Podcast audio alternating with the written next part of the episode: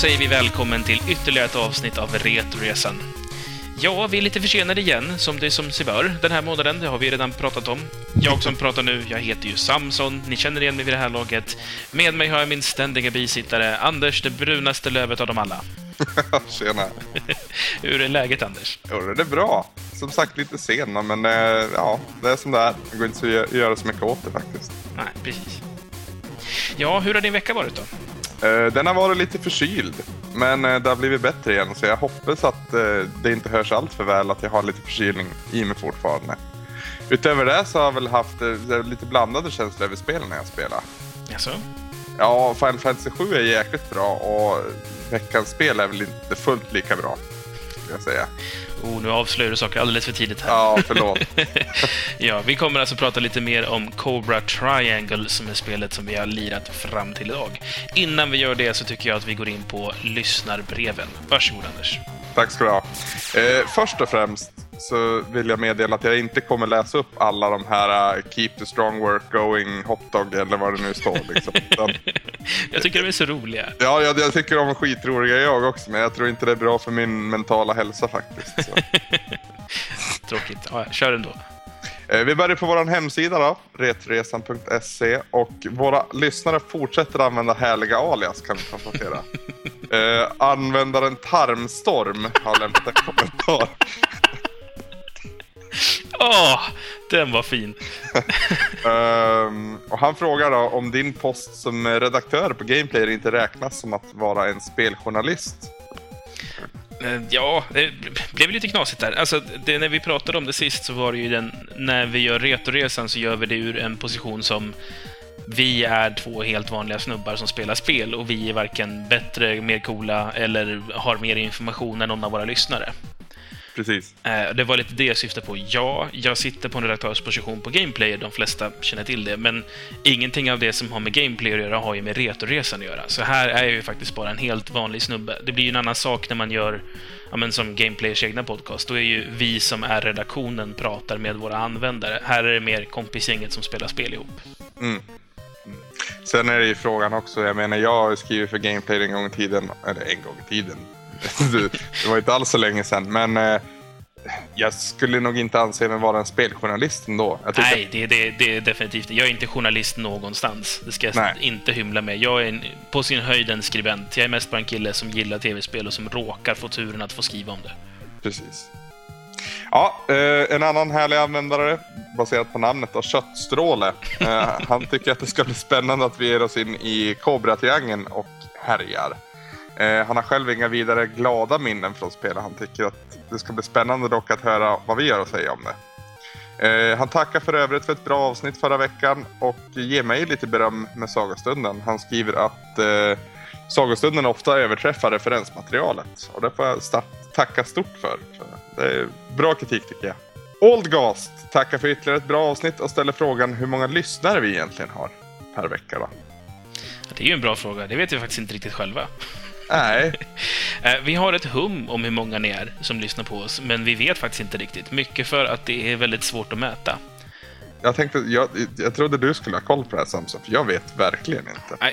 Jag vet att det är en siffra som ligger någonstans mellan 200 lyssnare till 800 lyssnare, men mer exakt än så vet jag faktiskt inte.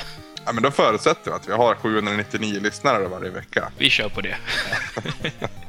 ja, eh, var de är i Sverige, det, det är utspritt. Eh, vi har även lyssnare utomlands. Eh, Vi har en, en kille i Kina, till exempel, som har mejlat oss ett antal gånger, som, som lyssnar på oss. Han har lite svårt att få tag på avsnitten då, med tanke på den kinesiska brandväggen. Eh, Men, men när han får tag, eller när han får chansen, så, så tar han och lyssnar lite och vi, vi får en massa härliga sköna bilder från honom från bisarra kinesiska prylar. Vi kan ta upp det lite noggrannare och utförligare i något annat avsnitt, men det, vi finns över hela världen faktiskt. Fan vad coolt. Ja, eh, Nidde har lämnat en kommentar som är väldigt lång. Jag ska försöka ta med det mesta faktiskt. För eh, ja, han gläds i alla fall åt att han namedroppas lite här och där. Han håller med ett glas vatten om att den kärlek som vi visar våra lyssnare är fantastisk. Och han tror också att det kan vara en stor anledning till varför vi har så engagerade och trogna lyssnare. Då. Eh, för att citera han då. Vi älskar er och så länge ni älskar oss tillbaka så tror jag inte att det kommer att ändras. Han fortsätter skriva, eh, det är skönt med en speljournalist som vet om att han faktiskt bara är en gamer som råkar ha ett medium att föra sin gospel till massorna. Inte för att ta något från de som faktiskt är speljournalister, men det finns icke-journalister som har skrivit bättre artiklar än de som har gjort det professionellt. Kudos till att göra det ni älskar och få betalt för det. I alla fall förutsätter jag att speljournalister gör det, de- gör det de älskar. Annars finns det folk på kö som gärna kan ta er plats. Eh, men det är inte för att ni sitter inne på något som vi andra gamers inte gör. Förutom möjligen en utbildning i kommunikation, retorik, pedagogik, media och eller svenska. Som sagt, jag är glad över att ni har lyckats. Men som personer som spelar tv-spel så förstår jag inte vad ni skulle ha förutom, eh, eh, utöver övriga gamers. Om det är något jag missat så får ni gärna rätta mig. Och det, det går att misstolka den här kommentaren. Jag gjorde det vet jag. För det, han får det att låta som att vi får betalt för det vi gör. Men det är väl, det är väl riktat mot Jag tror att det är speljournalism överhuvudtaget och lite inne på den attitydskillnaden som jag pratade om där också. Då. Precis. Eh, för att då försvara mina kollegor och mig själv, så det, det lilla vi har utöver en vanlig gamer, det är att vi har en, en regelbunden kontakt med speltillverkare. Att vi kan få se saker som är under utveckling och vi kan få prata med dem direkt och, inte bara liksom Ja, det är lite som helt enkelt en vanlig journalist får göra med en kändis. Man får faktiskt ställa frågor själv till dem direkt och det gör ju en, en liten skillnad. Men i övrigt så är vi precis som du säger, helt vanliga gamers. Har inte så mycket mer att komma med än vad någon annan har och det finns jättemånga människor som o- oprofessionellt skriver om spel tusen gånger bättre än vad jag till exempel någonsin kommer kunna göra. Mm. Ja, Eh, nu när jag hämtar Adnan lite så fortsätter jag. På vår forumtråd på Gameplayer så har användaren Pling lämnat en kommentar och han vill tacka oss. Eh, han skriver att han verkligen har utvecklats som gamer och menar då på att det är våran förtjänst. Han är blott 17 år gammal skriver han och han visste knappt vad ett SNES var när, vi, när han började lyssna på oss för drygt ett halvår sedan.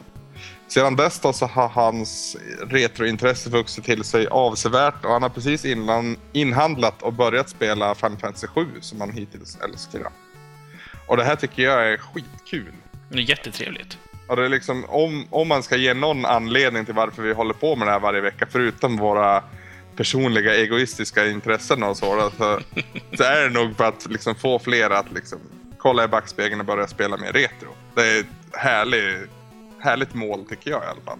Jag är lite nyfiken på um, en, en så ställa en fråga direkt till Pling. Ja, Hur, hur började du lyssna på Retroresan? För att om, om man inte har ett retrointresse, var, varför bryr man sig om oss? ja, det är ju en bra fråga. Det går liksom inte att misstolka det som något annat än retro heller när vi har det i namnet. Apropå det. Har du sett att retroresan som ord har börjat användas mer och mer? Mhm, det är fler som använder sig av det. MIZ kallar ju någonting för en Retroresan på sin blogg, såg jag. Ja, och ehm, spelradions version, om man ska kalla det, spelklubben tror jag det heter. Mhm. Eh, de, vet, de nämnde det i en beskrivning av ett avsnitt. Vi fortsätter vår retroresa. Vi skulle ha tagit patent på det här namnet, vet du. Det är du som äger domänen i alla fall. Ja, det är det. Kan de försöka om de vill. Nej, det är det.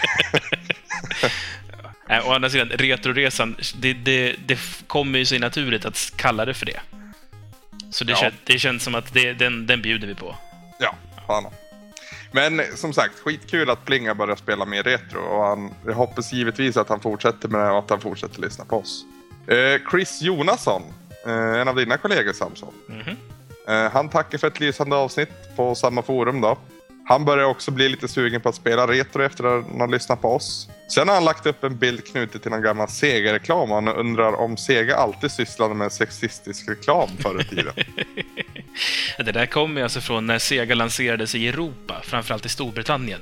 ja, Så ville man ju göra sig själv till den edgy. Alltså Sega var ju det coola företaget. lite rockstjärnan där. Ja, alltså där Nintendo var så här familjeunderhållning så var Sega lite mer vuxet och det var lite mer in your face. Sega does what Nintendo don't och så vidare. Mm. Och då hade man en serie med liksom sexuella anspelningar på det här viset som de gör i den här lilla reklamen. Och det är alltså, eh, man får se en man som håller i någonting som visar sig vara en joystick, men det ser ut som att det är en penis. Mm. Och så står det eh, “It gets harder the longer you play with it”. Ja, eh, ni kan ju gå in på Gameplayer-tråden där om ni vill beskåda bilden. Jag tror även Aloysius slängde upp en liknande bild va? Mm. Det, det gjordes flera i samma serie. Eh, på loading.se har vi också en forumtråd som bekant. Och där har användaren Tuve en liten sån här off topic-fråga angående namnsätta karaktärer. Då. Och jag har redan svarat på den här frågan. Frågan går ut på om vi har någon liksom, typ av trend på namnen vi brukar sätta till karaktärer när vi får namnsätta. Eh, jag brukar döpa mina karaktärer till någonting Duke av någon anledning. det är lite oseriöst tycker jag. Ja, jo, men det, det, det är skönt. Så i Final Fantasy sätter jag originalnamnen då, bara för att liksom kunna återberätta det med ja, vettigt så att säga. Så att det inte blir allt för, för förvirrad. Men eh, hur är det för dig då, Samson? Uh, det har varit lite olika. Alltså det, när jag började spela Final Fantasy-spelen så gjorde jag det tillsammans med en vän. Och då hade vi en lång diskussion om varje namn. Okej. Okay. Eh, vi, vi ville ha våra egna namn på allt som gick att döpa om. Liksom. Och jag minns att vi ofta döpte huvudhjälten om det var en kille till Saffod efter Saffod Bibelbrox i, i Liftarens guide till galaxen. Mm -hmm. Alltså Z-A-P-H-O-D. Eh, och det har ju liksom legat kvar där, så Saffod är the go-to-namnet för mig där. Men annars så, vi brukar liksom titta på karaktären. Man får ju oftast presenteras man lite grann inför den innan man ska döpa den, så man har liksom en uppfattning. Så vi brukar helt enkelt lista ut ett bra namn på den personen. Uh, nu kommer jag... Ja, så jag har nämnt att vi döpte om uh, Kate Sith till Laban, till exempel. Mm, mm. Han har också hetat Usbek vid någon genomspelning.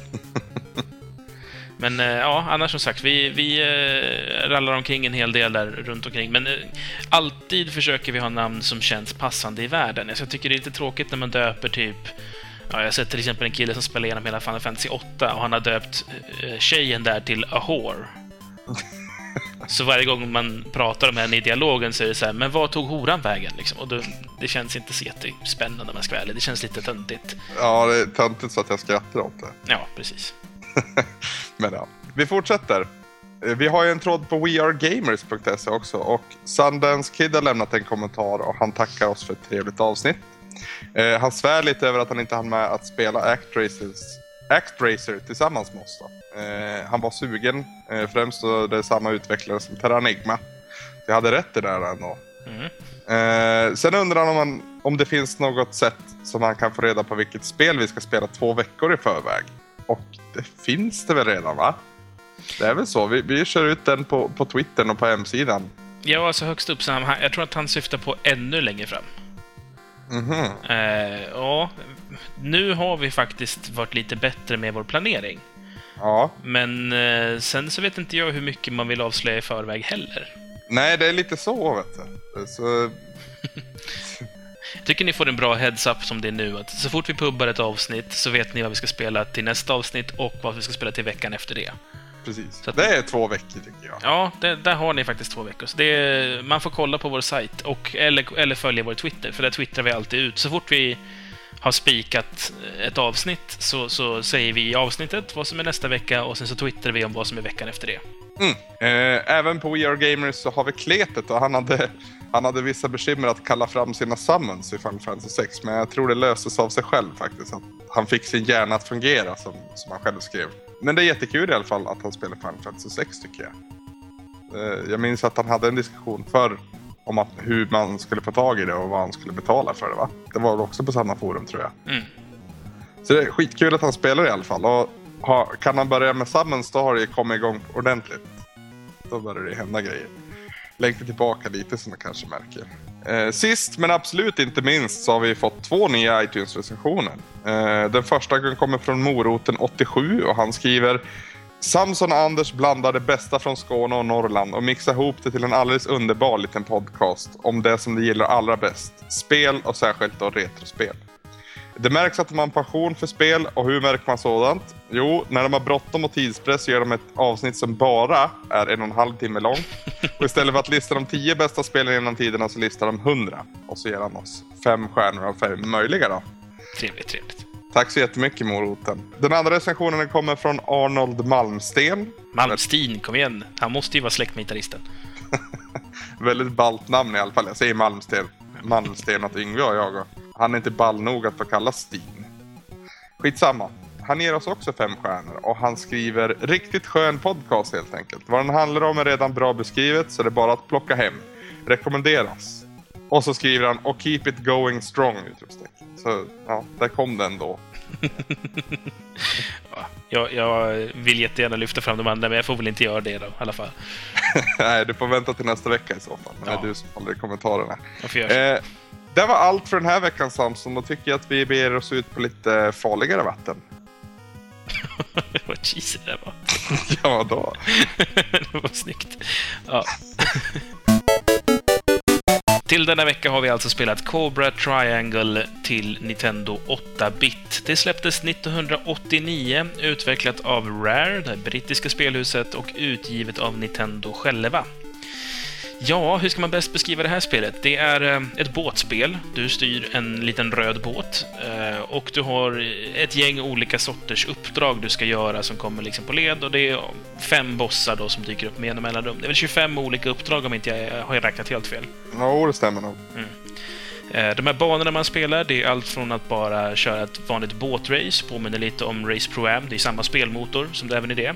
Mm. Eh, det finns också då att när man ska skydda människor som är i vattnet från båtar som kommer för att hämta dem. Man kan försöka desarmera minor, man ska slåss mot bossar som sagt, man ska hoppa över vattenfall och det finns även lite bonusbanor där man ska skjuta på olika mål och liknande. Vad kan man säga mer om det rent så här berättarmässigt? Det finns ett bonussystem i spelet, eh, påminner lite om eh, sidskrollande shooters i stil med Gradius. Eh, Där man alltså har det som en liten mätare där det finns fem olika grejer och så ska man då plocka upp power-ups och så har man en så markerar man den första i den här raden av fem, tar man en till så markerar man den andra och så med ett knapp på A-knappen då så väljer man det- det alternativet som blinkar för tillfället. De olika som finns där det är alltså turbo som gör att båten blir snabbare. Det finns Fire som utökar antalet skott som ditt primära vapen skjuter. Det finns Speed som inte skyndar på dig, vilket kan vara lite missvisande, var det för mig i alla fall. Mm. Mm. Eh, Det skyndar på alltså hur snabbt dina kulor rör sig. Eh, Och Missile då, som utökar dina missiler, och Force som ger dig en typ av em, sköld kan man säga, och ger dig eh, full hälsa då. Mm. Det, det är ganska, går ganska snabbt att beskriva det här spelet. Det är alltså bara ett ganska basic båt-minispelssamling nästan. Ja, Det finns ju någon slags historia någonstans, tror jag. Men jag har inte hittat någon i alla fall. inte jag heller. Jag bryr mig inte så väldigt mycket heller faktiskt. Det är liksom kartongen eller omslaget då, det säger eh, liksom det mesta. Ja.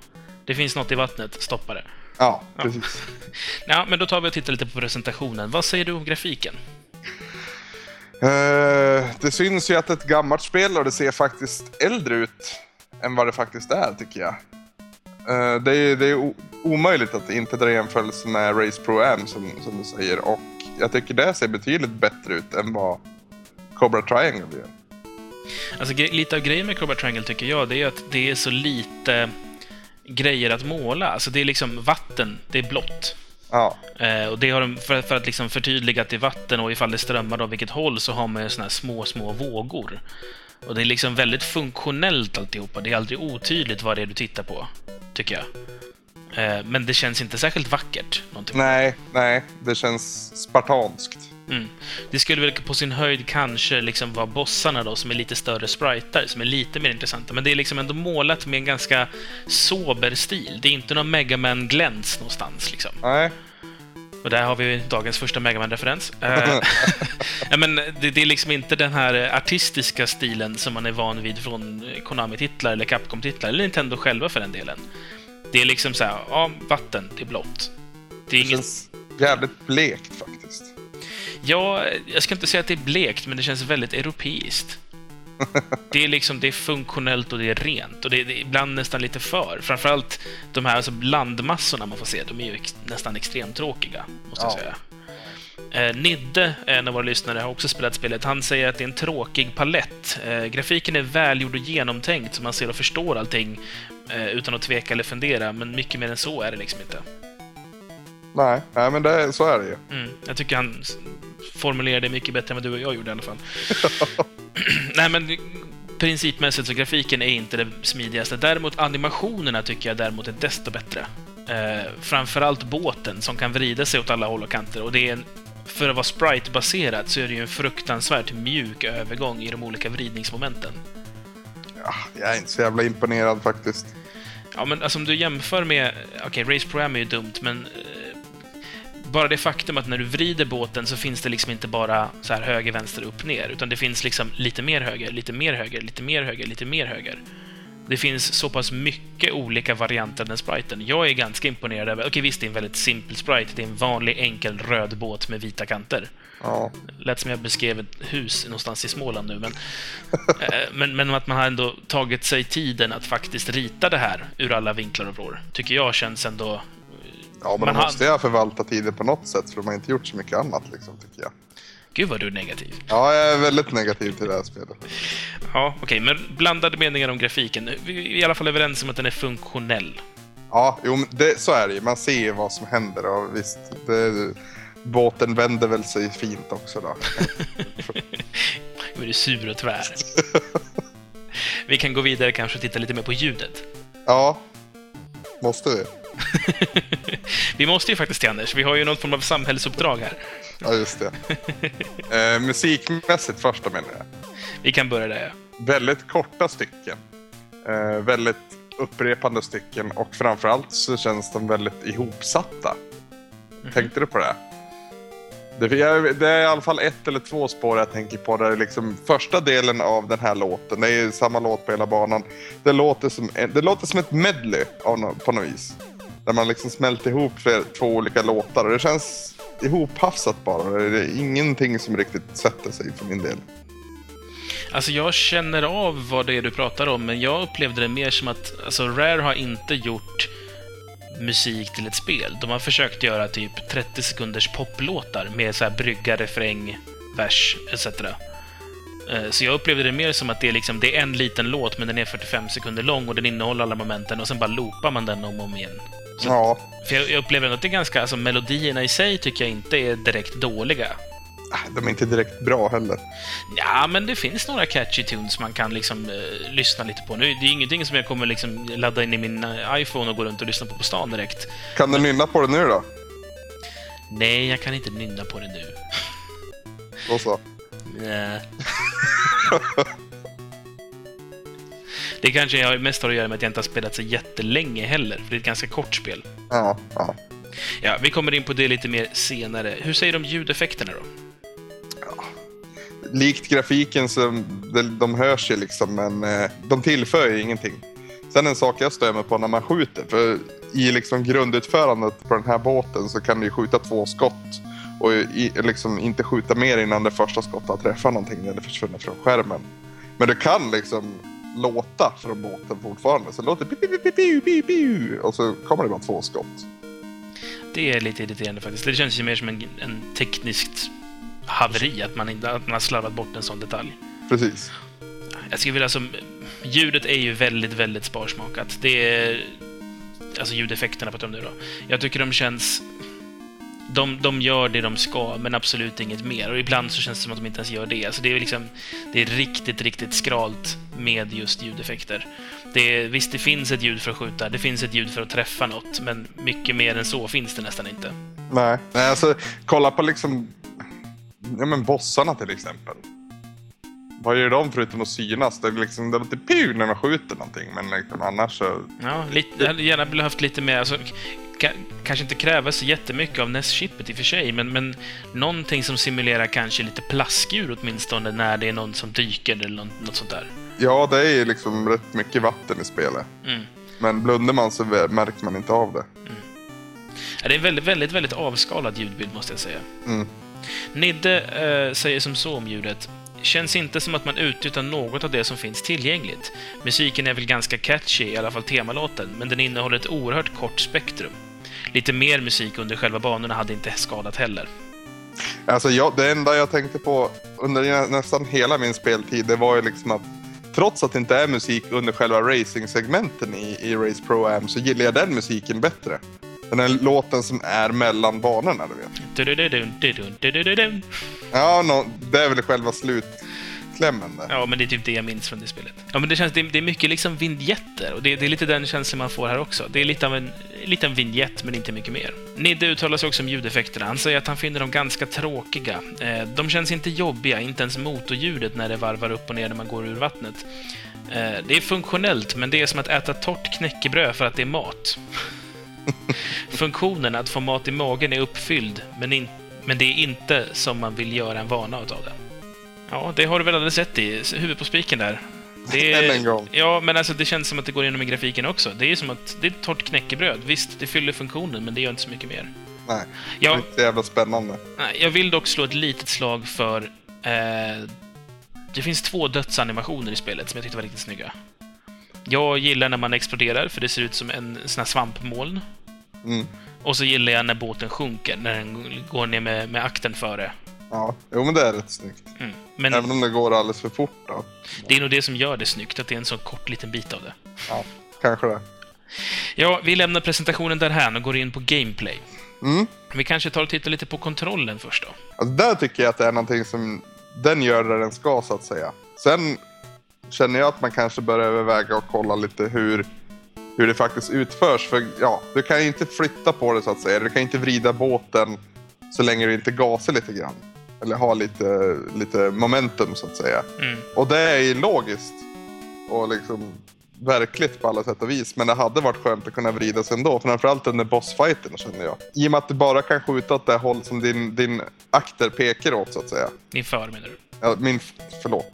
Min, min för pekar åt så det gör ju att det blir väldigt, väldigt svåra bossfighter. Väldigt onödigt svåra tycker jag. Förstår du vad jag menar? Mm. Jo, alltså man dör ju flera gånger och, och svär över att det är byggt som det är byggt. Ja. Det, ja, som bekant så är det fel på spelet. Ja, det, det är onödigt svårt liksom. Fast det är inte fel på spel här egentligen. Det är bara att man inte, de har inte haft gameplay i första rummet så att säga. ja, framförallt, alltså det är egentligen mest bossarna som jag tycker att det där spelar in på. För i alla övriga tillfällen så, så åker man ju runt så mycket att det inte märks av på det sättet. Nej men precis. Och så sen liksom, när du racer mot andra båtar och, Eh, och ska skjuta på dem. Då har du ju liksom de där du vill ha dem ändå framför dig. Så att det är inte så svårt att skjuta på dem då. Men eh, den här bossen då, eller de här bossarna, de dyker upp på en skärm så att säga. Du måste ju åka och akta dig för hans attacker och försöka attackera samtidigt. Det blir onödigt svårt tycker jag. För om man kollar på svårighetsgrader på en gång så tycker jag att allting är skitenkelt förutom de där förbannade bossarna. Jag, jag dog några gånger på de här vattenfallsbanorna, ska jag väl erkänna. Ja, jo, jo, det gör man ju. Men då, då, är det liksom, då känns det mer rättvist på något vis. För då ska det ju vara svårt. Och de här virvelvindarna höll jag på att säga. Men vad, vad säger man om sådana? Mm, de här... Cy cyklon, heter det så? Ingen aning. Men det är vattenvirvlar då, säger vi. Ja. De är ju väldigt svåra att undvika, men det går ju. Jo, alltså det, det, men det känns som att det är så mycket som är avhängt på att man har försökt hitta den här båtmekaniken. Mm. Alltså skapa någon slags känsla av realism av hur det är att styra en båt på riktigt. Och det känns som att man har satsat för mycket på att tänka det ska kännas som en båt istället för att tänka det ska bli ett bra spel. Ja, men precis. Och liksom, visst, det kan kännas som en riktig båt på de här racingbanorna, men hur realistiskt är det att du liksom åker och skjuter ett jävla sjömonster med en sån där liten båt då? Mm. En Giant Enemy Crab till exempel. Ja, precis. Det var den drygaste bossen tror jag, i min bok i alla fall. Jag tänker mest på det hi- hilariously namnet där. Eh, Nidde uttalar sig om kontrollen och han säger som så. Jag anser att spelets största brist är här. Tyvärr så är det ju faktiskt realistiskt, inom citationstecken, att den är som den är. Det är inte av felaktig design som den reagerar som den gör, det är faktiskt meningen. Denna design var det som gjorde spelets bossar svåra. Tänk till exempel att möta de Cobra Triangles bossar med ett Gradius-skepp. Det hade ju inte ens varit värt att kalla en miniboss. Väldigt sant. Mm. Det hade varit bland de första fienderna du stötte på i spelet. Ja, men det. Det hade kunnat vara att det är sådana som kommer tio stycken på rad och när du tagit alla så får du en liten power-up. Ja, någonting sånt. Ja. Nej, men det, det är faktiskt den här realist... Re, den fejkade realismen bryter tyvärr spelglädjen i det. Mm. Om utmaningen så, så säger han det, så, det är som så. Lätt, lätt, lätt, lätt. Holy crap! Helt plötsligt känns det som att spelet blev väldigt svårt. Mm. Och sen så är det lika lätt igen. Ja, men det är, det är lite där jag var inne på. Där det varit holy crap för min del, där det var ju framförallt bossarna. Kanske inte första bossen. Även tycker jag att det är genomgående dock att varenda boss har lite för mycket hälsa tycker jag. Och gör lite för mycket skada eh, på dig. Liksom det förhållande har de inte riktigt balanserat upp, tycker jag. Nej, Sen tycker jag att det är svårt att veta liksom... Det finns ju safe spots mer eller mindre på alla. Eller inte spots, men det finns så här typ... När han Ja. gör så så gör så så är det safe. Ja, men det känns som att ibland så tycker man att man är nästan man har nästan hittat det och så fortsätter man förfina sin teknik och sen så håller man på allt för länge och inser att det här måste vara fel teknik då, men jag är ju så nära. Eh, varför har de gjort så här? Det känns som att de har liksom inte riktigt quality-testat spelet ordentligt. För då hade man ju märkt att så här, okay, vi, vi måste få folk att sluta nöta på en teknik som inte funkar snabbare. Mm. För det, det tycker jag satt mig jätteofta. Precis. Eh, Nidde pratade lite om eh, hur det var att spela spelet igen, för han nämligen lät lite tidigare. Okay. Han säger “Jag har fina minnen från detta spel och jag minns det som mycket svårare än vad jag upplevde det var den här vändan. Utan att ens försöka tog jag mig igenom ett 20-tal av de 25 banorna. Och det här får mig att fundera på om massornas utrop att spel var svårare förr kanske inte är annat än gamla gamers som kallar nya skolans whippersnappers och berättar historier om på vår tid, när, all, när vi blev skadade så att vi inte fick tillbaka hälsan förrän vi plockade upp ett medkit, när vi inte hade nedladdningstjänster och vi var tvungna att vandra fem mil i uppförsbacke åt båda hållen i snö för att få köpa en gigantisk spelkassett. Ja, jag hade längre än fem kilometer till mitt, till mitt, eller, Äh, Oj, jag, mitt, ställ, mitt köpställe så att säga. det står faktiskt fem mil, jag läste fel. Ja, det, är, det är nog rätt så mycket fem. Det är nog rätt så precis fem mil dit. Inte bara uppförsbacke. Åt båda hållen. Nej, men alltså jag, jag håller med dig om att spelet är mycket, mycket lättare att spela idag jämfört med... Alltså jag har ju provat det som barn, som jag nämnde. Och jag minns att jag liksom ungefär kom till bossen ungefär, och där kom jag inte längre. Nej. Kanske klarade första bossen, men inte så mycket mer. Och det känns som att eh, det här är ett spel som inte är så himla svårt. Och det är retroglasögonen som säger att det här, man minns det som ett svårt spel egentligen. För när man väl har, när man väl har fått det här sortens problemlösartänkande som man har vid lite äldre ålder, då, då är det ju inte så himla komplicerat att reda ut det hela. Nej. Nej, alltså jag spelade det för första gången. Jag har som sagt bara tittat på tidigare. Mm. Det fanns ju svåra partier, men det var ju liksom en boss och ger man sig fan på så, så är bossen snart avklarad. Då vet man, då har man ju fem banor som det bara liksom smooth sailing så att säga. Mm. Eh, fram till nästa boss då egentligen. Anders, av de här olika spellägena som finns, vad, vilken tyckte du var sämst och vilken tyckte du var bäst? Bäst tror jag jag tyckte det var det här eh, hoppa vattenfall-partiet. De tyckte jag var jäkligt roliga trots att de var svåra. Eh, jag vet inte varför riktigt. Man fick liksom, jag gillar att man behövde anpassa gasen ibland för att liksom hitta rätt tillfälle att åka igenom de här vattenvirvlarna. Det, det tyckte jag var jäkligt kul. Uh, sämsta är bossarna. Mm. Eh, för jag gillar bossfighter. Men jag hatade de här bossfighterna. Det kändes orättvist, det kändes som att de fuskade, som att det var fel på spelet och så vidare. Mm. All, allt det där. Men vad tyckte du om det här när man ska skydda eh, människor i vattnet? Ja, eh, ja, jag vet inte vad jag ska tro. Eller tycka egentligen. Eh, det var väl inte varken särskilt... Jag tyckte det var rätt så enkelt först och främst. Och sen tyckte jag att det var rätt så tråkigt också. Var, Ja, du, var du en sån som räddade alla människorna eller räckte det för dig med en? Fan är det. Så länge jag hade en kvar. Jag, faktiskt lite medvetet så lät man dem ta ett par stycken så att det vart enklare. Så höll det din kant så att säga. Och sen var det bara att turtla egentligen. Drygt var ju när det kom såna här ja, helikoptrar av något slag och sköt på det så att det vart eh, fryst i några sekunder. An Anders, vad betyder törtla? Turtla. Har du aldrig hört begreppet turtla? Nej, jag kommer från Sverige. Det är i och för sig ett LTS-ord så att säga. Det betyder att du liksom kryper ihop in i ditt skal så att säga och håller din mark väldigt på ditt hörn så att säga. Okej, ja, men då är jag med. Om du, om du spelar ett RTS så bygger du en väldigt stark bas och gör inte så mycket trippel för att attackera utan snarare för att på långt avstånd attackera. Då.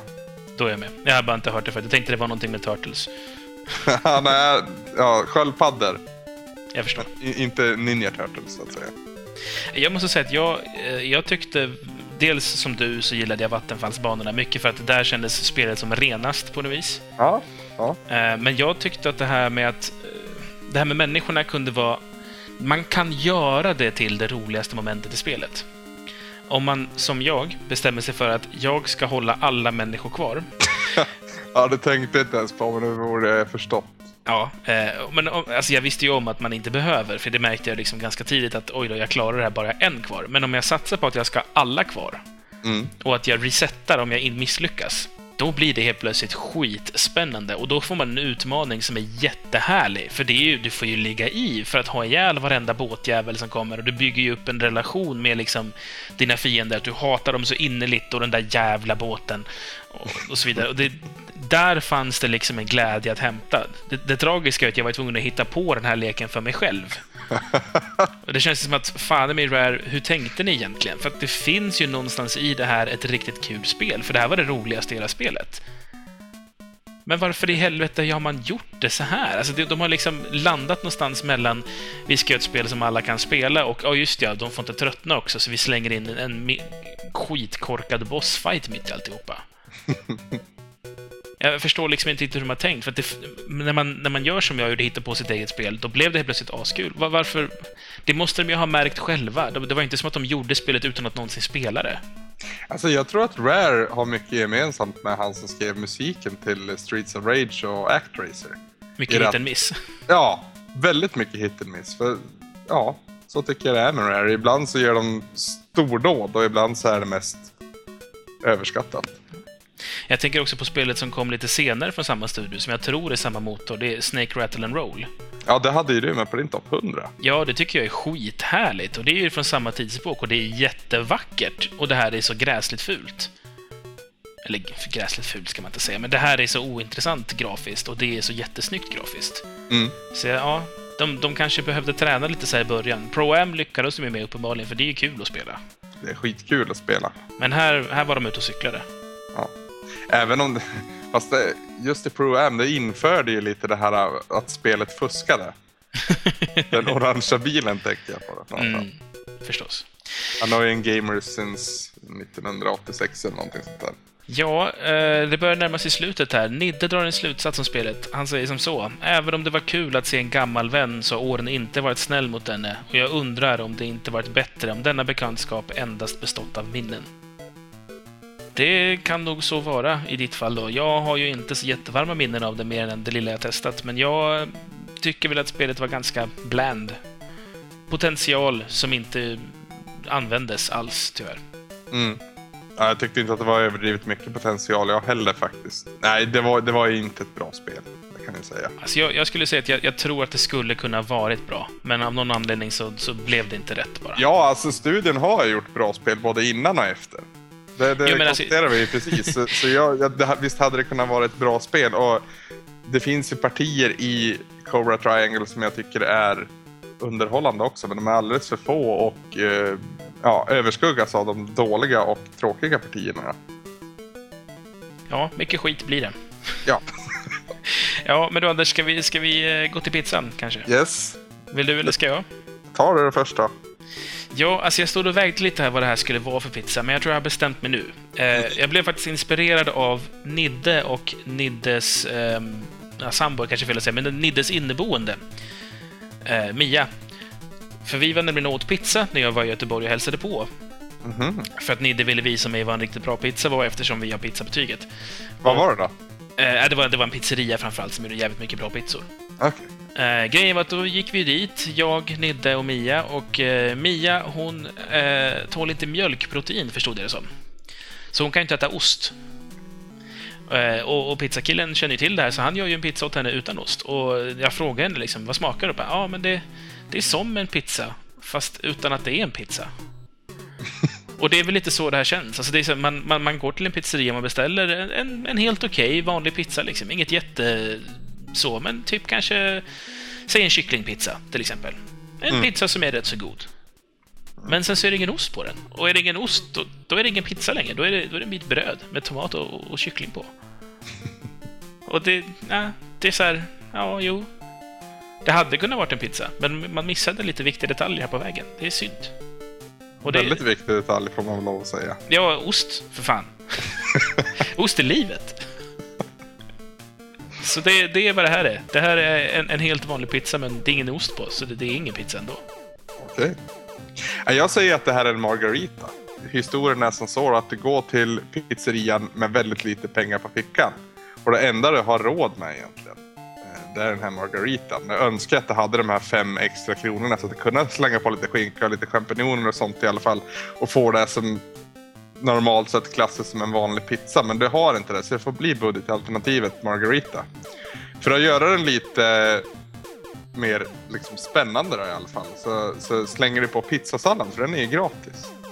Eh, så det blir margarita med pizzasallad på. Tyvärr så är den här margaritan dock bränd för att stället det går till det är den billigaste pizzan i stan.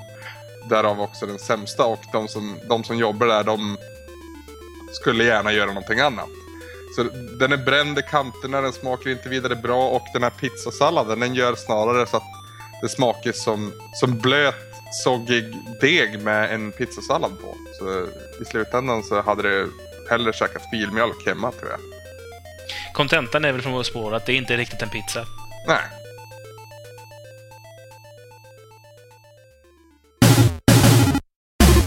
Denna veckas musikpaus hämtar vi från ett band som jag har fastnat för väldigt mycket under den senaste tiden. Eh, lite svårt att uttala det, men jag ska ge ett försök i alla fall. Anna Gucci. Eh, tror jag att man säger. Gud vad bra det gick Anders, första försöket. Ja, eller så har vi klippt in det, jag vet uh, det är i alla fall ett typ av rockband som gör sin musik tillsammans med ett hackat näst Och uh, det svänger väldigt mycket tycker jag. Ni som följer min blogg vet också att jag har använt den här låten jag ska spela till videosekvenserna med Nördskolan, ett litet projekt jag har med min sambo där. Eh, låten heter i alla fall Blackout City och eh, den kommer från bandets senaste album Dawn Metropolis från eh, 2009. Och den låter så här.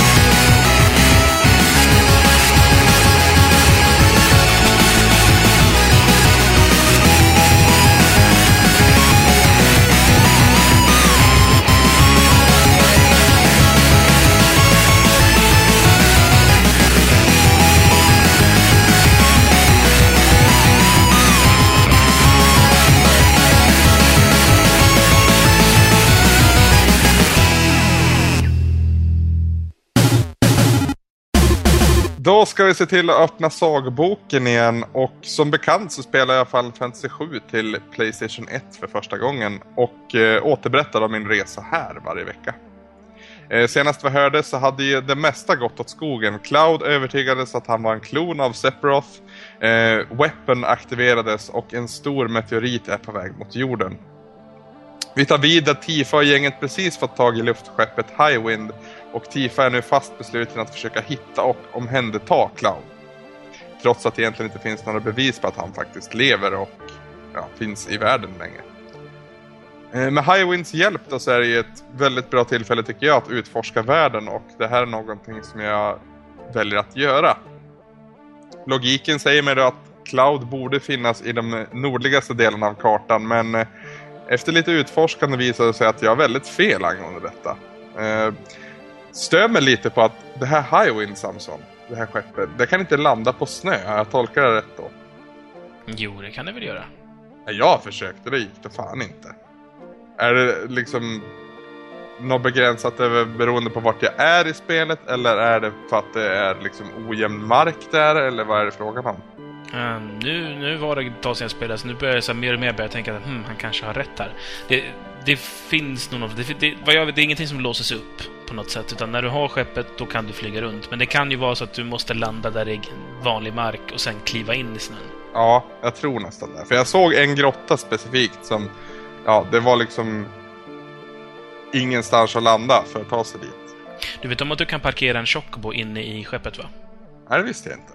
Bra tips kan jag säga. Så du alltid har en chocobo med dig. Så fort du kliver ut, då springer du på en chocobo. Det är ju lämpligt som satan. Ah, ja, eh, runt en krater där Weapon gick upp och eh, jag tror att Sephiroth också finns kvar där inne så att säga. Eh, där finns nu en typ av skyddande barriär kan man väl säga. Så, det, så fort vi försöker närma oss den här kraten så, så, ja, det är som att vi får en stöt och så skickas vi tillbaka. Och Barrett svär lite då naturligtvis. Eh, vi hittar istället Cloud i den sydligaste delen av världen. Eh, en ö som jag inte kunnat besöka tidigare i en stad som kallas Midell. Uttalar jag det rätt då tror jag? Ja, jag brukar säga Midell också. Ja. Eh, här visar det sig att Cloud har spolats upp för dryga veckan sedan och eh, ja, har omhändertagits av de som bor i den här staden då. Allt är dock inte vidare bra. Cloud har utsatts för en ordentlig mängd makaenergi och har på grund av det förvandlats till en rullstolsbunden dreglande krympling nästan kan man väl säga. Han kan inte prata, han kan bara mumla och eh, skaka på huvudet egentligen. Eh, den här doktorn som har tagit hand om honom, han berättar att eh, hans sinne är så uppfyllt av makaenergi och, och kunskap att det mentala helt enkelt stängt ner. Tifa känner att de vill stanna kvar och ta hand om Cloud medan de övriga beger sig tillbaka till Highwind för att placera, planera sitt nästa drag. Ombord på Highwind så får vi med Kate Siths hjälp då, lyssna in på ett toppmöte inom Shinra. Eh, deras plan för att förstöra den stora meteoriten som är på väg då, är att samla stora delar materia från en massa olika reaktorer. Eh, de här materiadelarna pratade ju Scarlett om tidigare. Vi såg ju henne ja, i smyg så att säga. Vi, vi tjuvlyssnade på henne förut och då var ju hon också på jakt efter de här stora materiadelarna. Eh, de ska i alla fall ta de delarna och skjuta upp dem mot den här meteoriten då, så att den sprängs och löses upp. Eh, så är planen. Och när de håller det här mötet då har de redan samlat de stora delarna från Nibelheim och planerar nu att hämta delar från Corell och från Kondorfortet.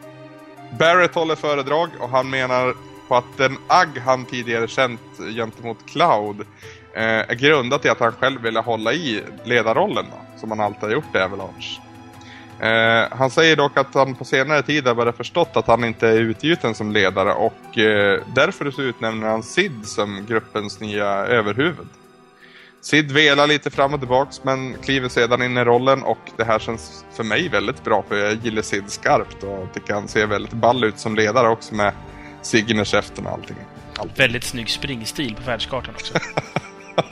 väldigt tillbakalutad kan man väl säga. Han är en skön snubbe helt enkelt. Ja, Eh, med, med sig på den här expeditionen då så väljer Sid att ta med sig eh, Tifa och Vince. Jag har svårt att släppa Vince här, jag gillar han och han har ju vid det här tillfället låst upp sin tredje limit break där han blir motorsågsmassaken. Och det är väldigt ball grej måste jag säga. Eh, expeditionens första mål där det blir Corell. Eh, den här reaktorn som vi gick förbi tidigare, vi kunde inte ta oss in i den.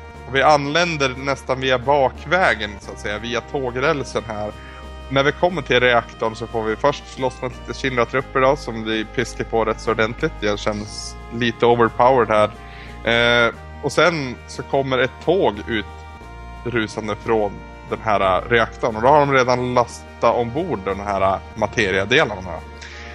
Sid tänker kvickt, bordar sedan ett, an ett annat tåg och tillsammans med de andra sätter de fart efter det ledande loket så att säga. Sid har egentligen ingen erfarenhet som lokförare. Han är, mer, han är mer en sån här äh, learn by doing karaktär. Eh, men allt går bra och snart är vi fatt det här flyende tåget. Vi hoppar ombord på det här tåget och för varje vagn vi, vi springer förbi eller springer igenom då så får vi möta fiender och gradvis svårare och svårare för varje gång då. Men ingen av dem ger något egentligen, egentligt motstånd och till slut så har vi lyckats ta över det här tåget. Får ju lite problem att få stopp på det här tåget ska sägas. Det blir... Eh, Sid får lite panik där. Men precis innan vi kommer till staden Corell då så, så lyckas vi få stopp på det. Så vi kan kliva av och komma tillbaka till Corell. Känns lite som att jag skulle haft Barrett med här, Samson. Kan det stämma? Ja, alltså det är ju hans hemstad, så det finns ju, så att säga, det finns ju historier kvar där eh, som kanske kan redas ut och så vidare, men det är ingenting du måste ha för berättelsens skull. Nej. Nej, alltså vi vart ju tackade av några statsmedlemmar efter den här, eh, det här upptåget så att säga. Och, och då, det var då det slog mig att liksom, fan, här skulle ju Barrett ha varit med. Han som är så utpräglad som en bad guy i den här staden. Liksom. Men men, Eh, det är inte så mycket att göra åt just nu. Den här andra delen materia, den finns ju vid Fort Condor, kallas det väl. Eh, det är ett fort där en... Eh, jag har besökt det här stället tidigare för att försvara mot anstormande Shinra-trupper. De attackerar ju gång på gång. De vill väl åt den här fågeln som är på toppen av det här fortet. Jag har förstått allt rätt då. Mm. Eh, den här gången så är de attackerande styrkorna större än någonsin och eh, trots att jag sätter ut ett maxantal av mina enheter så är det ja, det går skitdåligt helt enkelt och de gör slarvsylt av mina trupper. Eh, därav får mina medlemmar i partyt att gå ut och avsluta fighten själv och det här går ju bra då lyckligtvis. Därmed har vi försvarat fortet ännu en gång och eh, ja, som jag sa tidigare, det är en fästning byggd för att skydda den Phoenixfågel som sitter uppe på. Då. Eh, när allt stridande är över så får vi bevittna hur Phoenixfågeln löses upp och ägget som det vaktade och ruvade på då kläcks och en ny Phoenixfågel föds.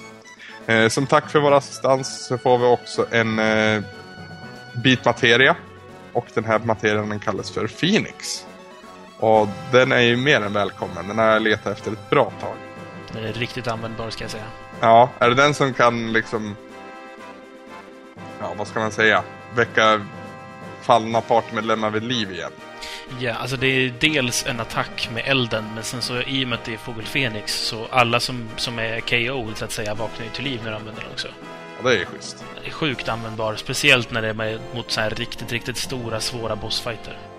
Efter det då så beslutar Sid att gruppen nu besö bör besöka Medellien och titta in hos Cloud och Tifa. Lagom till vi anländer till staden så uppstår det dock problem då Weapon av någon anledning, jag kommer inte ihåg riktigt varför, eller om det finns en anledning. Ja, Weapon attackerar staden i alla fall och vi får försvara oss mot det här vapnet. Eh, efter några attacker och efter lite fram och tillbaka fightande så flyr det här monstret igen och eh, ja, vi får inte riktigt ta koll på den. Är det den svarta du slåss mot? Det? Ja, Weapon heter den bara tror jag. Det är inte Ultima Weapon då? Nej, okay. det är inte. Eh, dock så börjar den här livsströmmen, eller ja, vad man ska säga, under jorden, eh, den börjar koka upp och ja, förfaller staden i ruiner. Då. Det blir jordbävningar och allt möjligt här. Eh, Sid Barrett och de övriga, de hinner undan och till säkerhet, men inte Tifa av Cloud och de faller handlöst ner i det gröna skimrande djupet. Då. Och här inleds Tifa i en vandring inom Clouds sinne. Eh, den här förvirringen och utblockningen som Cloud upplever är nämligen grundat i att han inte vet vad som är sant och vad som inte är sant från hans historia. Då. Han har ju haft en eh, smärre identitetskris kan man väl säga. Sephiroths ord har väl gjort djupa avtryck. Tifa hon hittar sig själv på en centrerad plattform som leder till eh, några av Clouds starkaste minnen då.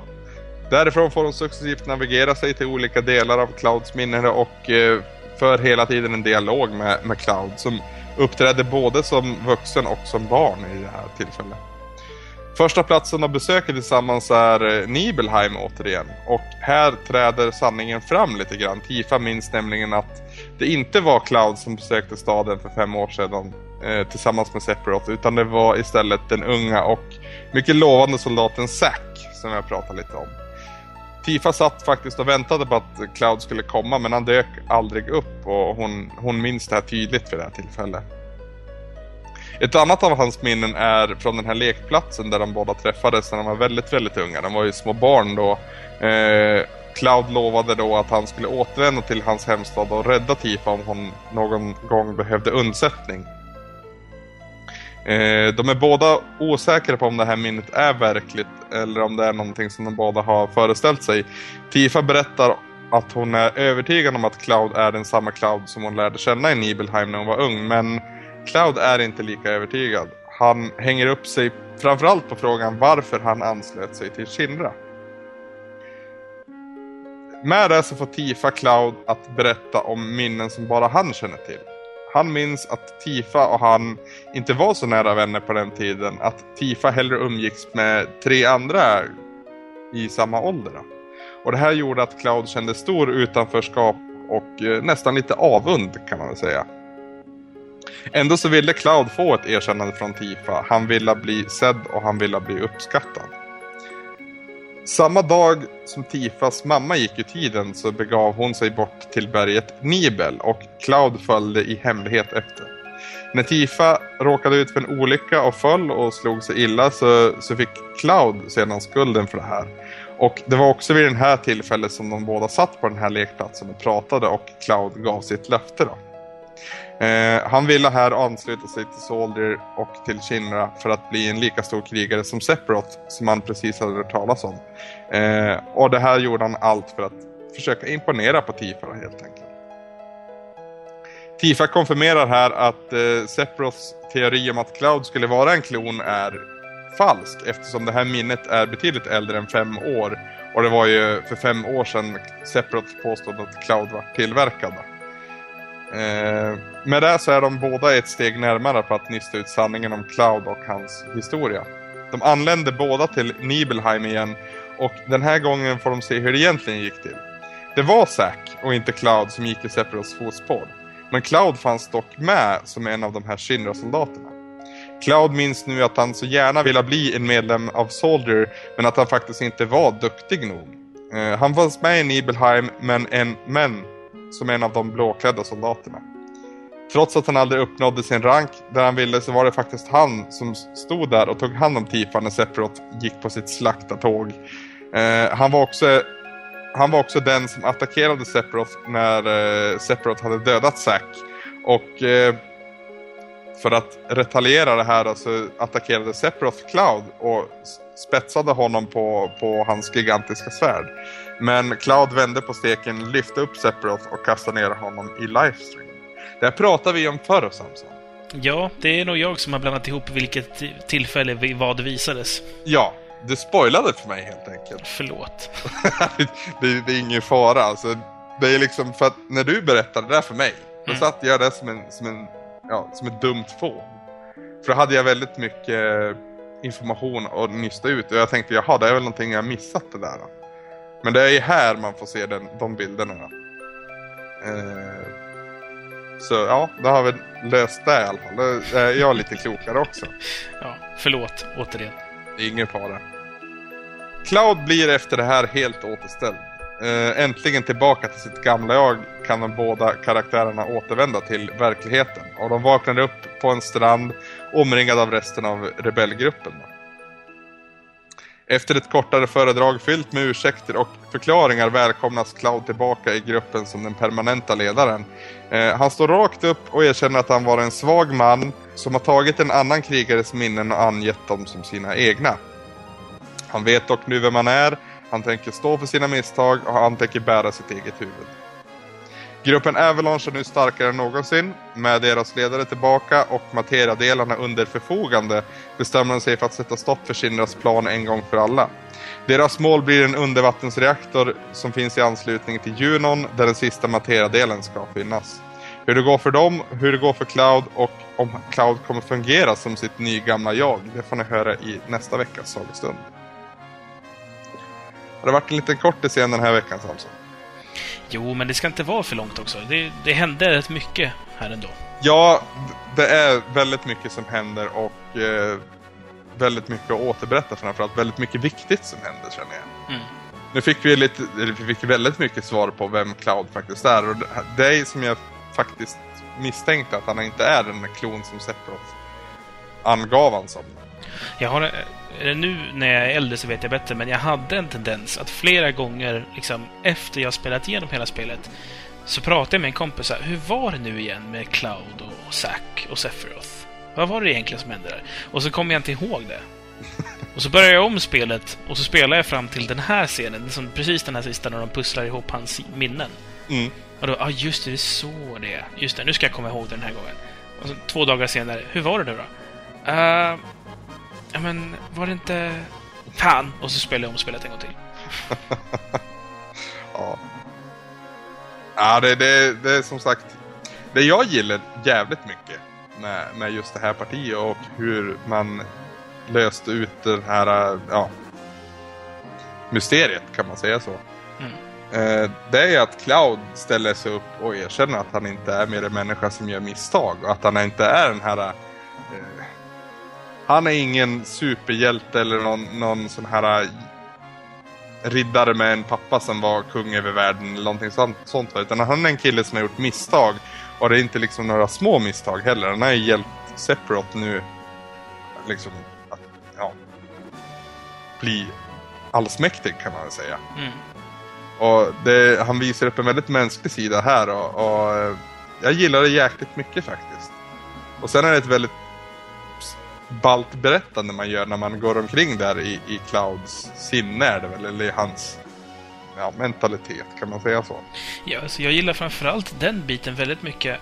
Um, för att det, dels, det är ju i princip bara en massa story som ska förtäljas. Mm. Man hade ju kunnat lösa det med att det liksom bara är cutscenes eller liksom text. Men att det är det här att du liksom springer runt och hittar, du hittar ju olika brutna clouds liksom. Mm. Och, och, när du har pratat med en och rätt ut det här området, då, liksom, då ansluter den sig till en av clouderna. Så att det liksom, du samlar ihop honom. Du liksom tar de här spillrorna av, av den här människan. Och, ja, jag, jag, gillar det här sättet att berätta det på, för det, det görs väldigt levande och det görs liksom... Det är ju intressant och kul att spela det. Visst, du gör inte så mycket när du bara går fram till någon och trycker på en knapp. Men du känner ändå att du är inblandad i den här processen. Mm. Precis. Och jag gick faktiskt till fel ställe en gång. Och då var det bara massa svammel från den cloud som jag gick till då. Så fick jag liksom gå tillbaka. Det var när jag skulle till lekplatsen efter att det var i Nibelheim. Mm. Uh, så det är liksom, det gäller att... Ja. Och sen, sen att det Cloud är delaktig i den här processen också. Att det inte är Tifa som fixar den utan det är faktiskt han i slutändan som fixar sig själv. Det tyckte jag också om. Ja, en stark bit historia det här också helt enkelt. Ja, ja. En helt annan sak som du nog inte ens vet om själv, det är att du har faktiskt gjort ett ganska stort beslut. Mm -hmm. Det här tåget som du stoppade precis innan det kom in och krossade Corell. Ja, det krossade inte Corell. Nej, precis innan, sa jag. Ja. Det går att misslyckas här, så är stan förstörd. Är det sant? Jajamän. För alltså, när det är ombord på det här tåget det ska ha stopp på, då, då, då, försöker man ju trycka som det står. Och då, då visar det sig att det är fel, för Sid chansar ju lite här. Som jag sa så är det Learn by Doing, enligt hans premiss. Eh, och liksom tåget går bara fortare och fortare och fortare hela tiden. Mm. Så du menar att man kan misslyckas med det här då? Du kan misslyckas och då åker tåget in genom stan och kör över allt och alla. Åh jävlar. Det var ju jäkla tur där då. Mm. Det är lite Ja, det- som, eh, som i Fallout 3 med den här stan som är byggd kring atombomben. Mm. Ja, eh, tänkte jag skulle berätta det för dig, så nu har du en anledning att spela spelet en gång till från början till slut. Varför förstöra, Ja, och få se vad det blir för skillnad. förstöra Corell? Ja, kanske det. Jag ska försöka bli klar med det först. Ja, det också. hur, hur, procentmässigt, hur långt är jag in då tror du? Det är så svårt att avgöra det där, för det är ungefär här någonstans som jag brukar åka runt och plocka upp allt som jag inte har tagit än. Okej. Eh, alltså nu när man ändå har Highwind, men egentligen så nu skulle du ju ner under vattnet. Ja. Eh, och efter det så är det liksom några fler storytunga moment och sen så Sen så är det liksom sluttampen mot Sephiroth mer eller mindre. Åh fan. Så det är inte så jättelångt om man tänker så. Däremot så, alltså det är ju det är inga korta spelpartier du har framför dig heller. Nej. Och, och framförallt nu, det du ska tänka på, det är att nu går det runt weapons på världskartan. Aha. Eh, och det är ju helt, ja, inte Det alla. finns alltså flera stycken. Ja, det finns många weapons. Det hade inte jag en aning om. Ja, det finns eh, fyra till om jag inte är helt fel. Och du nämnde Ultima Weapon där. Jag misstänker att den är eh, den värstaste. Det är det faktiskt inte. Det är den näst lättaste, tycker jag. Jaha. Eh, den svåraste, den, jag ska inte säga vem av dem som är svåraste, men du kommer träffa allihopa misstänkligen innan du är klar. Alright. Eh, och, och du kommer antagligen dö på, på några av dem. Och om du gör det så, så är det bara att inse att jag är inte redo för det här än. Okej. För det är man oftast inte. Framförallt inte på två av dem som är riktigt, riktigt bökiga. Åh fan. Ja, så att eh, det, det finns lite mer att göra. Ja, det hoppas jag. För nu, är, nu har det här spelet, det har jag sagt ett tag nu, men det har riktigt kommit igång och nu är jag liksom involverad på något Mm. vis. Så det blir spännande. Vi får se vad som händer i, i nästa veckas avsnitt. Mm. Jag kan också tipsa dig om en sista grej. Aha. Eh, man kan ju, eh, ska vi säga, farma chocobos. Jag nämnde att man kunde ha en på skeppet till exempel. Mm. Eh, men du kan också köpa stall i den här chocobo-farmen där du var för jättelänge sedan. Ja, alldeles ovanför det här eh, ormliknande monstret. Precis, i närheten av Midgar och Kalm. Ja. Eh, där kan du faktiskt, om du vill, ehm, ja, alltså du fångar lite chocobos och så kan du testa att para dem och ha dig och se så att säga vad det blir för... Man kan ju då föda upp chocobos på det här sättet.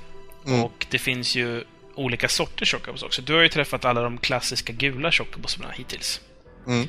Men det finns även blå chocobos, röda chocobos, svarta chocobos och framförallt så finns det mytomspunna guldchocobon. Oj. Och guldchocobon, det här är ju som inte någonting som har med story att göra, men guldchocobon är ett måste för att nå fram till vissa riktigt coola ställen i spelet. Mm. Det är nämligen så att olika chocobos kan göra olika saker. Den, den blå chocobon kan till exempel springa över vatten. Eh, Den svarta tror jag kan klättra på berg. Så att du kan liksom springa över berg med den chocobon. Ta dig upp på ställen som det inte går att landa på med skeppet, men som inte heller går att gå till. Aha. Så det, det finns en hel del saker att utforska på världskartan med hjälp av sådana här då. Jag märker det. Ja. Eh, hur, hur du ska... Eller, så att säga, hur du ska para olika chocobos och, och så vidare. Det, det lämnar jag till dig, för det är nog roligare att leta upp själv än att lyssna på från mig. Ja, det Eh, tror jag också. Men hur börjar man då så att säga? Du måste ju ha i alla fall två chocobos då. Ja, alltså börja med att du går och pratar med killen som har chocobofarmen, köp dig två stall och så går du ut och letar upp en hona och en hane. Alright. Fan vad spännande. Lite såhär sidequest. Ja, det här kan jag ju säga det att, att odla fram en guldchocobo, det är ingenting man gör lätt. Jag misstänker det. Ja. Det, det är en sån sak som jag inte kommer ihåg i huvudet för det är så komplicerat. Alright.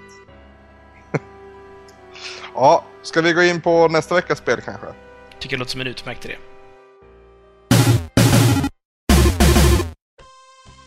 Ja då Anders, nästa vecka så ska vi lira ett spel som heter Rocket Knight Adventures. Yes. Eh, en sidskrollande actionplattformsliknande sak. som eh, släpptes 1993. Eh, till Mega Driven faktiskt. Yes. Eh, och det är utvecklat av Konami då. Nu ska vi direkt här vara lite tydliga med, för det här var någonting som vi blandade upp ganska mycket själva. Eh, spelets huvudperson, Sparkster heter han, Mm. är också med i ett väldigt liknande spel som heter kort och gott Sparkster. på Super Nintendo. Precis, men det är olika spel där. Så nu är det Mega Jag tror, jag, jag tror till och med att Sparkster är uppföljaren på Rocket Knight Adventures. Mm. Jag, jag ska inte klubba det här 100% men jag har för mig att eh, det ligger till på det här viset. Ja och nej. det, Okej. det är som så, det finns ett Sparkster Rocket Knight Adventures 2. Och det är en uppföljare. Den kom också på Mega Drive. Det är en direkt uppföljare. Sen så släpptes ett annat spel som också he- hette Sparkster, fast det hette kort och gott bara Sparkster. Och det var till Super Nintendo. Okej. Eh, och de, det knepiga är att de är producerade ungefär samtidigt då, alltså Rocket Knight Adventures 2 och Sparkster. Och de har till och med samma boxart, mer eller mindre. Mm. Men de är två helt skilda spel. Så att, eh, ja. nu ska vi dock backa tillbaka och vi ska spela original Mega Drive Rocket Knight Adventures. Precis. Ska inte heller blandas ihop med Xbox Live Arcade-spelet Rocket Knight Adventures som släpptes för några dagar sedan. Nej. För det är inte en remake eller liknande, utan det är ett nytt spel, vad jag har förstått i alla fall, i, i samma serie. Så har jag tolkat det också. Det kan ju vara så att det är en remake, men vi kommer i alla fall att spela det här på original eh, Mega Drive, eller Genesis om man så vill. Så det är det vi tar itu med till nästa vecka, helt enkelt. Tyvärr så finns det inte att tillgå på Virtual Console. Det är väl en titel som de kanske borde smyga ut här tycker jag. Eh, finns inte heller på någon samlingsutgåva vad jag vet. Eh, kan, ni kan ju om ni har svårt att hitta på originalkassetten och ni kan ju spela det här nya. Som finns på eh, Live Arcade så att säga. Mm. Det heter kort och gott Rocket Knight, utvecklat av en brittisk ställe som heter Climax Group. Det, det kommer inte vara samma spel där, men det kanske... Det kan, det kan nog vara jäkligt kul ändå skulle jag tro. Ja då Anders, där har vi veckans retoresa i ett litet paket. Jajamän. Ja, eh, vill ni kommentera eller ge era synpunkter på avsnittet så går ni som vanligt in på vår sajt, retoresan.se.